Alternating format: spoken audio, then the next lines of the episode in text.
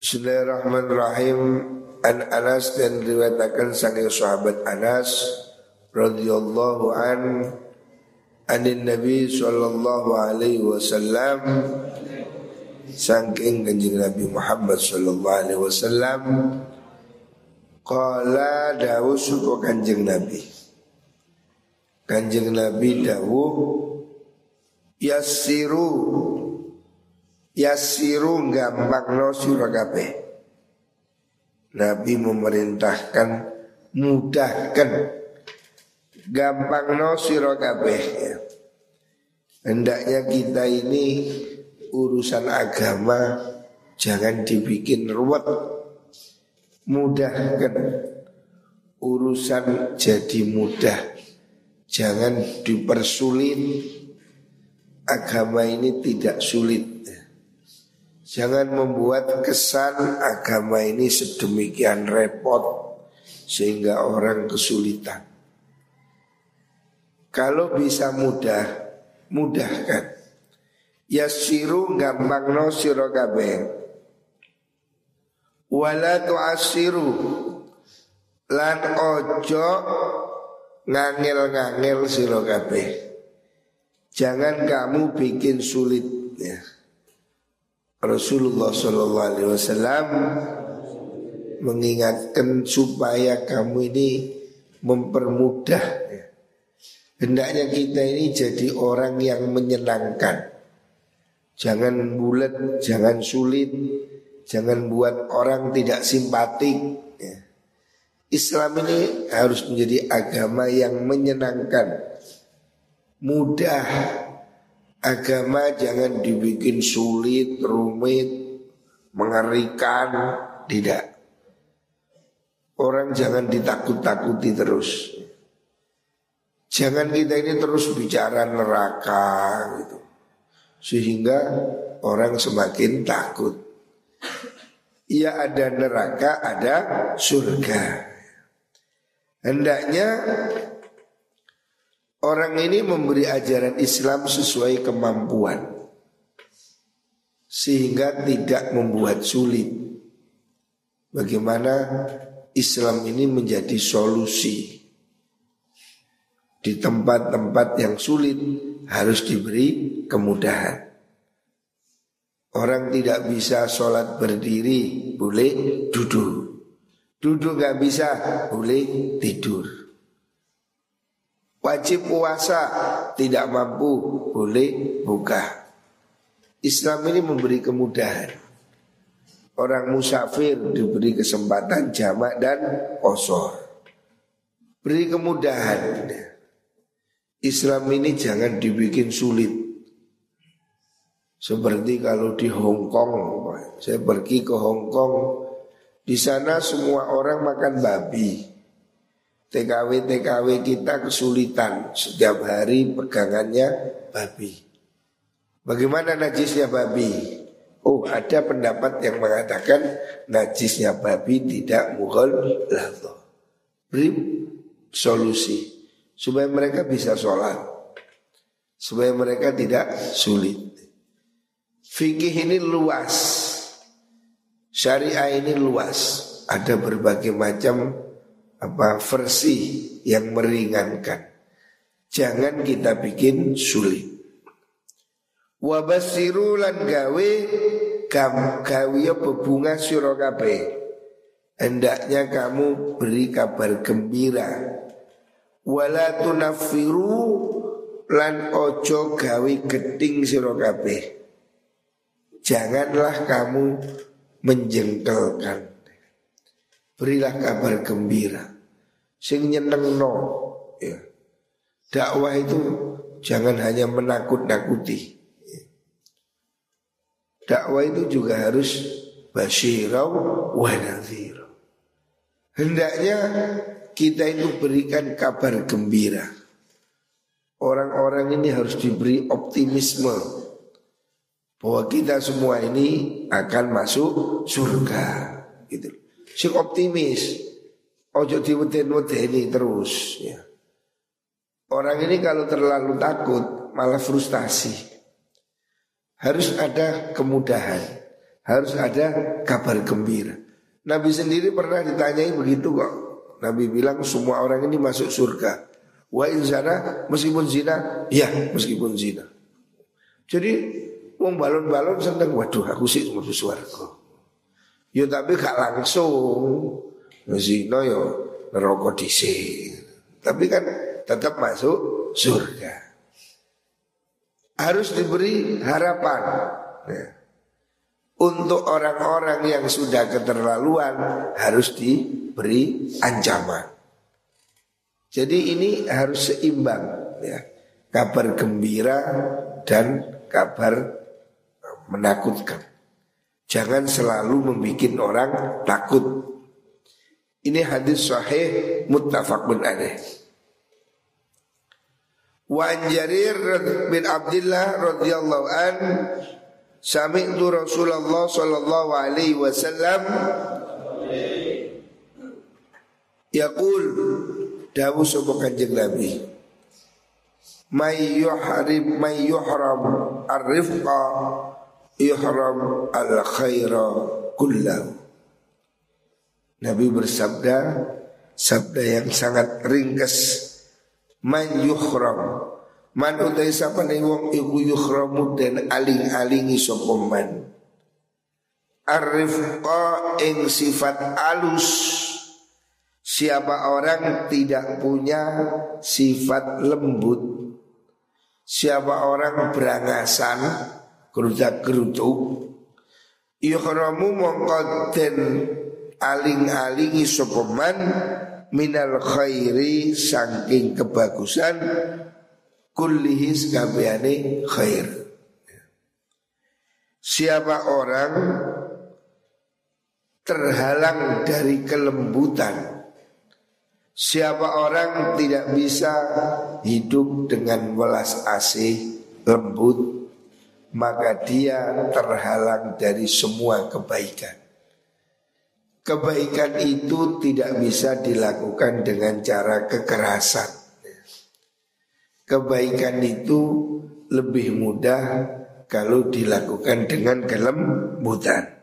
Jadi hadis ini mengingatkan supaya hindari cara-cara kekerasan, hindari terorisme, hindari apa? Hal-hal yang bersifat menakutkan, ancaman. Lebih baik berikan kabar gembira, sesuatu yang mudah.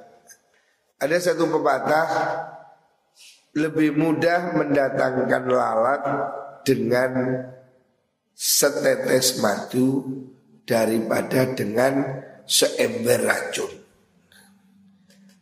Artinya sesuatu yang manis itu lebih menyenangkan. Di sini Rasulullah Shallallahu Alaihi Wasallam mengatakan siapa orang yang tidak mempunyai kelembutan dia tidak akan dapat kebaikan. Artinya kebaikan itu didapat dengan cara-cara yang lembut. Jangan mendahulukan cara kekerasan.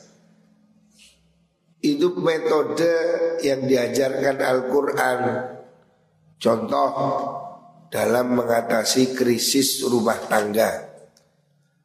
Allah mengajari bagaimana pertama itu dialog. Kalau kamu punya istri kok kelihatan mulai rewel ya. Walati takhafuna nusuzahunna faidhuhun. Pertama beri nasihat, ajak omong, diskusi. Kalau diberi omong, diajak bicara, komunikasi kok masih susah, wahjuruhun nafil madhaji Oh mulai diemin. Diem kadang lebih berguna. Diem supaya dia mikir. Jadi jangan langsung gelut Baru kalau kemudian tidak mampu Wadribuhun boleh dipukul Itu pun tidak boleh melukai Jadi jangan mendahulukan cara kekerasan Nabi Ibrahim mendapat perintah untuk menyembelih Nabi Ismail. Walaupun Nabi Ibrahim diperintah dapat wahyu suruh nyembelih anaknya. Nabi Ibrahim tidak langsung melakukan secara kasar umpamanya anaknya tidur moro dibeleh atau dibuacok dari belakang tidak. Nabi Ibrahim memilih cara diskusi. Makanya Nabi Ibrahim berkata, "Qala ya bunayya, ini ara fil mana." Wahai anakku, saya mimpi dapat perintah untuk nyembelih kamu. Ngomong baik-baik. Ya. Biasakan komunikasi. Walaupun ini diperintah oleh Allah, Nabi Ibrahim tidak semerta-merta anaknya tidur di sembelih atau di dicuancang sembelih kayak beleh beleh PT enggak. Nabi Ibrahim tetap mengatakan diskusi, dijak omong. Ya. Ini contoh luar biasa. Bagaimana seorang ayah diskusi mau beleh anak eh ini waduh luar biasa. Susah. Tetapi seperti itu ya rumah tangga Nabi Ibrahim bisa menyelesaikan masalahnya dengan cara bicara yang baik. Makanya segala sesuatu ini hendaknya dirembuk. Orang ini harus bicara supaya ngerti. Kadang masalah ini timbul karena salah faham. Gak ngerti, gak ngomong. Dia tidak tahu. Rasulullah Wasallam mengajarkan supaya segala hal itu lakukan dengan kelembutan. Ini jelas. Al. Siapa orang yang tidak diberi kelembutan, dia tidak diberi kebaikan seluruhnya, seluruhnya. Artinya orang yang main kasar, main galak, main ini itu nggak ada baiknya. Hanya menimbulkan benturan-benturan. Kamu ngajak kebaikan dengan cara kekerasan tidak menyelesaikan masalah. Contoh yang lebih bagus di Indonesia. Islam masuk ke Indonesia dengan damai, tidak melalui perang. Maka Islam di sini awet. Hari ini kita 80% muslim Islam bertahan di bumi Indonesia dengan tenang Tidak pakai kekerasan Buktinya Buktinya masjid-masjid berdiri Gereja-gereja tidak dirubuhkan Dulu orang sini ini Hindu Buddha Borobudur tidak dihancurkan Itu Candi Kidal Candi Singosari ditumpang ada apa? Candi Jaku tidak dirubuhkan. Kita ini membawa Islam dengan damai. Berbeda ketika Islam masuk dengan kekerasan. Contoh Islam masuk dengan penumpas apa? Perang masuk di Spanyol. Enam abad Islam menguasai Spanyol. Tapi akhirnya dipukul mundur balik ke Arab. Hari ini ya Spanyol dikuasai orang non muslim. Padahal dulu enam abad kita menguasai Spanyol. Sampai kitab-kitab itu banyak dikarang di sana di Andalusia. Termasuk kitab Alfiyah Ibnu Malik itu di Spanyol, Andalus. Jadi Andalus menjadi pusat peradaban Islam. Islam pernah menguasai Spanyol 600 tahun. Tapi masuk dengan perang, pulang juga dengan perang. Kerajaan terakhir di Alhambra. Mereka terpukul mundur balik ke Maroko. Padahal sudah hidup 6 abad sudah membangun peradaban besar.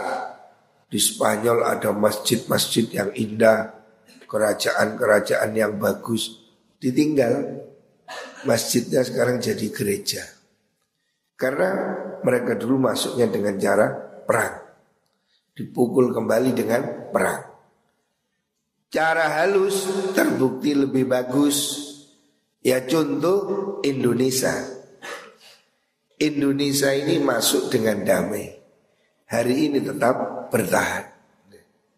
Jadi cara halus, cara lembut itu lebih bagus. Hadis rawahu Muslim. Wa Nabi Hurairah radhiyallahu an anna rajulan sedene wong lanang iku kala ngucap sapa rajul lin nabi maring Nabi Muhammad sallallahu alaihi wasallam Kala dawu sapa nabi la taghdab ngucap ausini Ausini paring wasiat Tuhan ing kula. Ada orang datang pada Nabi minta nasihat. Ausini kanjeng Nabi berilah saya nasihat. Minta nasihat, minta wasiat. Kala jawab sapa Nabi la taghdab. Ojo nesuan. Jangan marah-marah. Jangan emosi. La tagdob ojo bendu siro ojo ngamuan Nabi dimintai nasihat.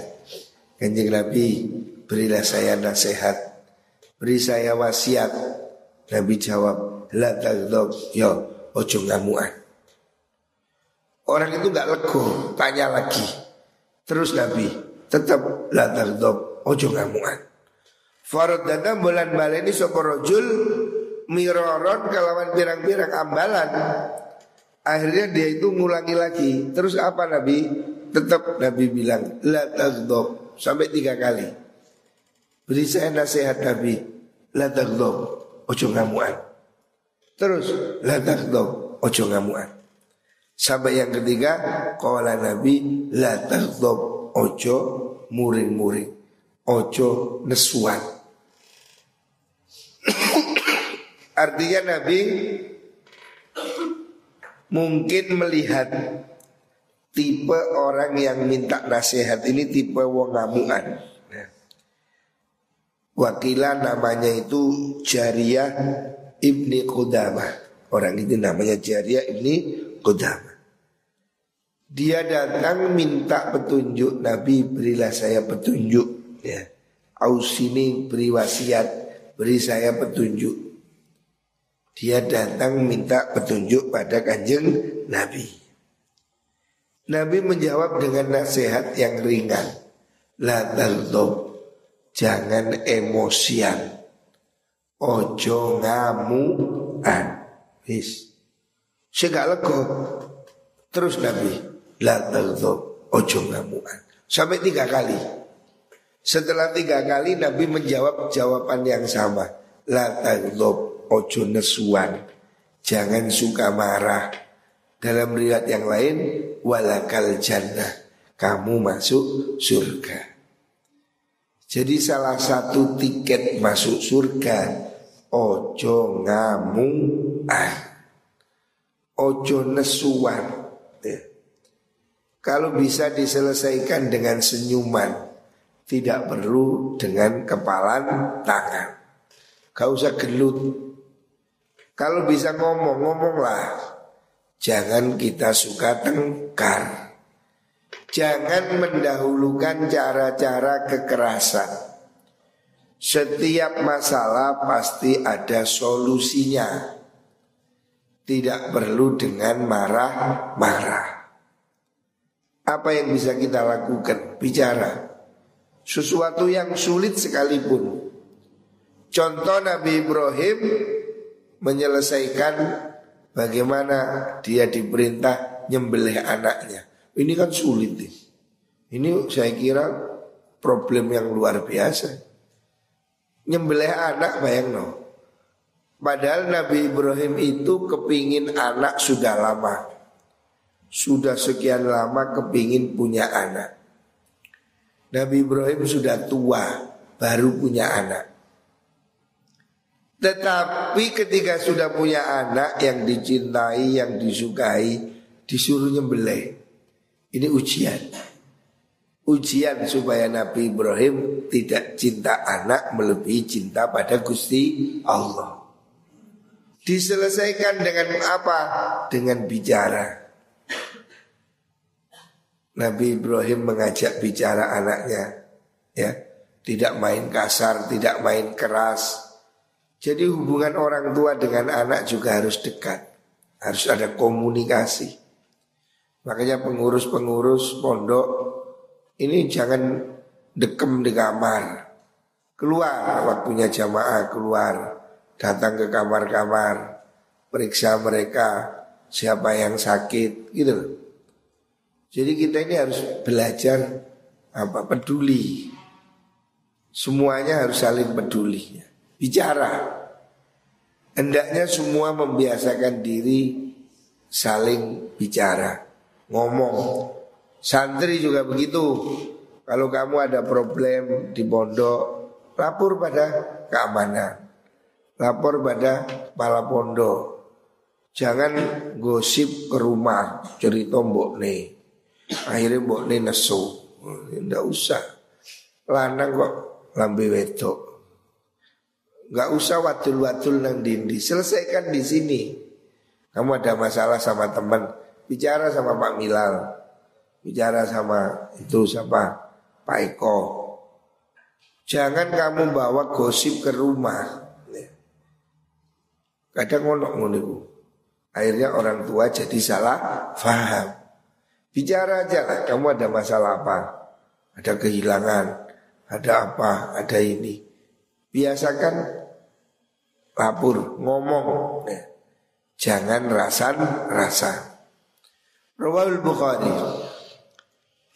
An Abi Hurairah radhiyallahu an Bini Wa an ya'la Saddad bin Aus radhiyallahu an an Rasulillah sallallahu alaihi wasallam Qala dawu kanjeng Nabi Inna Allah sudari Allah iku kataban nulis Mesti sopa Allah Al-ihsana ing kebagusan Ala kulli syai'in ing atasi saben-saben suwiji Gusti Allah itu mengharuskan kebaikan pada semua hal.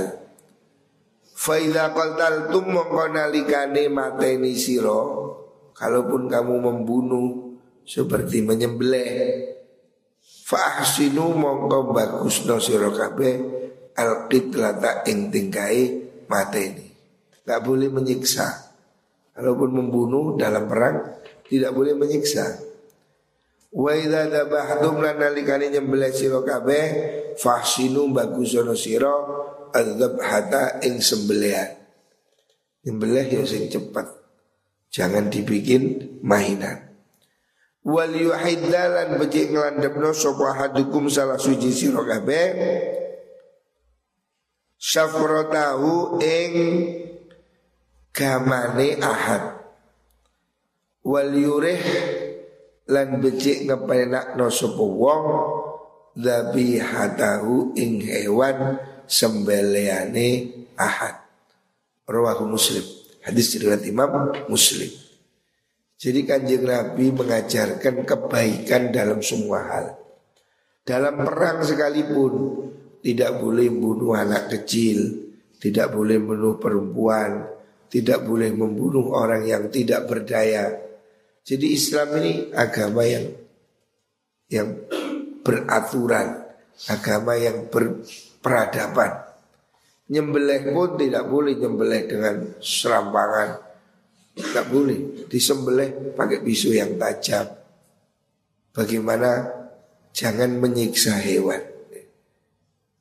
Membunuh pun dengan cara beradab. Wan Aisyah radhiyallahu an Qala dawu sapa Aisyah ma khuyira ora den kongkon milih? Sinten Rasulullah sallallahu alaihi wasallam baina amrayni antarane perkara luru qattu berbisan illa akhoda angin ngalap sapa Kanjeng Nabi aisarahunna ing luwih gampange aisarahuma ing luwih gampange amrain. Kanjeng Nabi kalau disuruh milih antara dua hal Kanjeng Nabi milih yang paling gampang.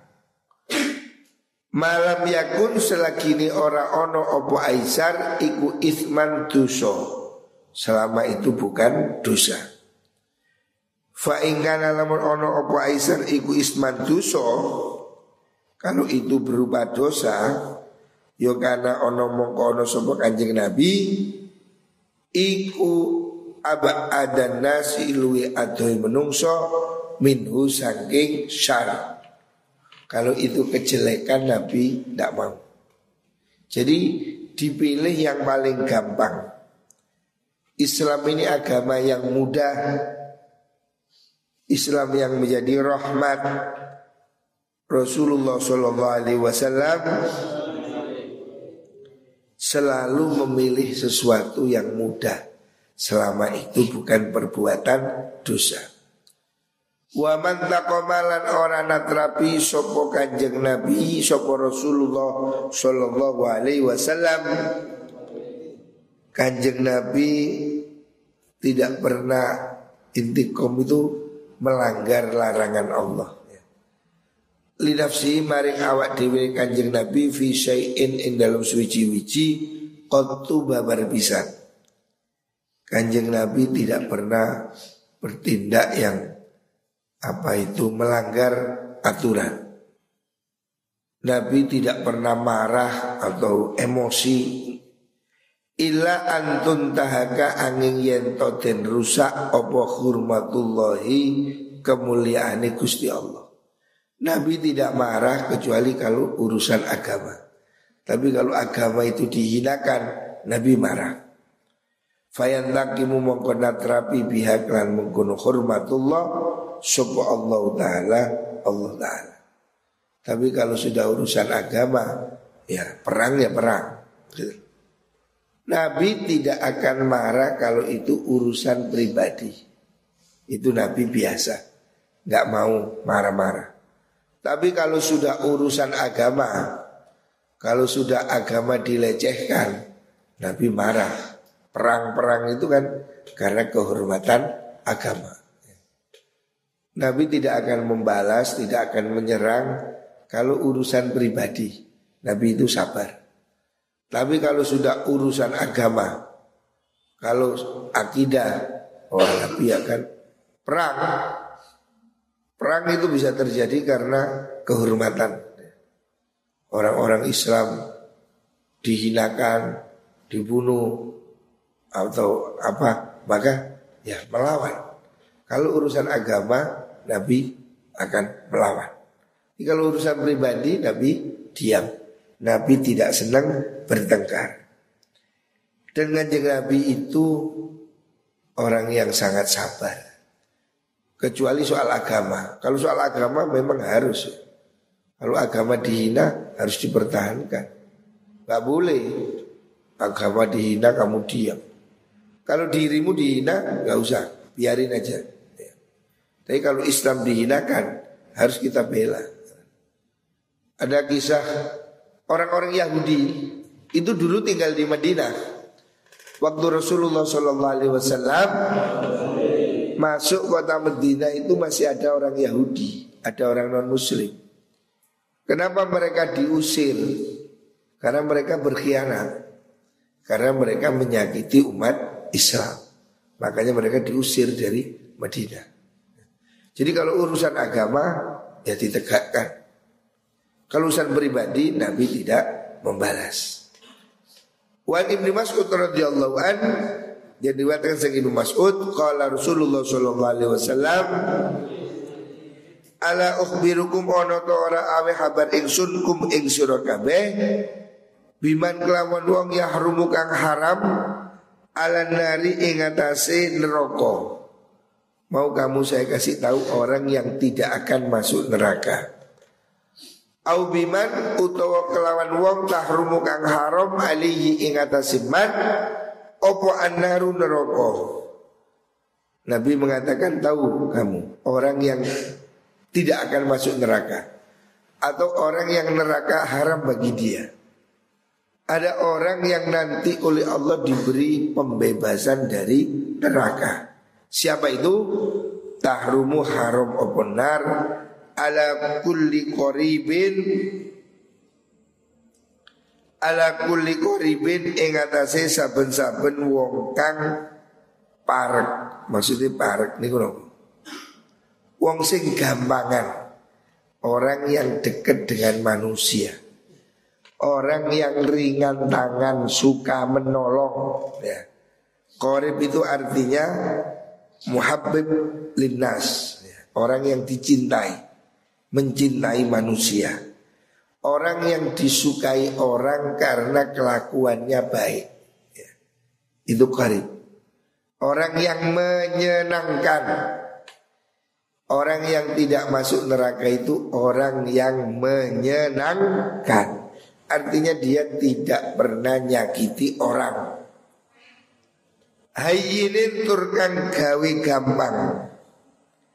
Hayinin itu orang yang endengan ya. Orang yang gampangan. Gampang melakukan kebaikan. Ringan tangan. Layinin turkang lembut Alus Gangamuan Lembut Rapi, rapi, ramah Sahlun Kan gampang dan toto Gampang ditoto Wae ngaji ngaji, wae sekolah sekolah kan Jadi wong sing gampang ditoto, mudah diatur. Itu ciri-ciri orang yang tidak akan masuk neraka. Artinya apa? Maksudnya akhlak yang bagus. Akhlak yang bagus, kelakuan yang bagus itu bagian dari iman itu bagian dari hal yang membuat orang jauh dari api neraka. Ya. Jadi Nabi sengaja memakai cara dialog. Seringkali Nabi begini, tahukah kamu? Ya, maukah kamu saya kasih tahu? Ini termasuk contoh ngajar. Mulang itu menarik. Ada diskusi. Mau nggak kamu saya kasih tahu orang yang nggak bisa masuk neraka? Kan menarik. Siapa itu Nabi? Yaitu orang yang menyenangkan. Orang yang tidak nyakiti orang lain. Orang yang disukai karena kebaikannya. Yang kedua, hayyinun. Orang yang entengan. Entengan itu apa easy going, gampang Japi gampang, ayo roan roan, ayo apa gampang untuk berbuat baik itu enteng, tidak berat. Ya, jangan jadi orang berat. Sesuatu yang enteng mudah diangkat. Jadi orang sing enteng, seneng nulung, seneng berbuat, ya. Gak usah disuruh ada kotoran bersihkan.